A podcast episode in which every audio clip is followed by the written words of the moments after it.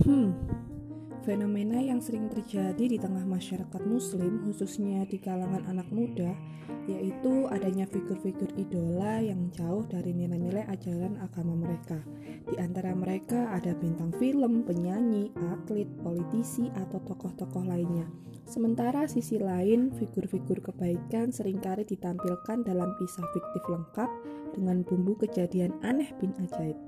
Sehingga tidak bisa tuh memotivasi untuk meladaninya kecuali sekedar hiburan atau pengantar sebelum tidur.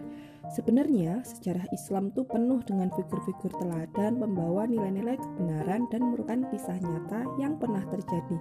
Masalahnya sekarang adalah sudahkah masyarakat mendapatkan informasi tentang hal tersebut?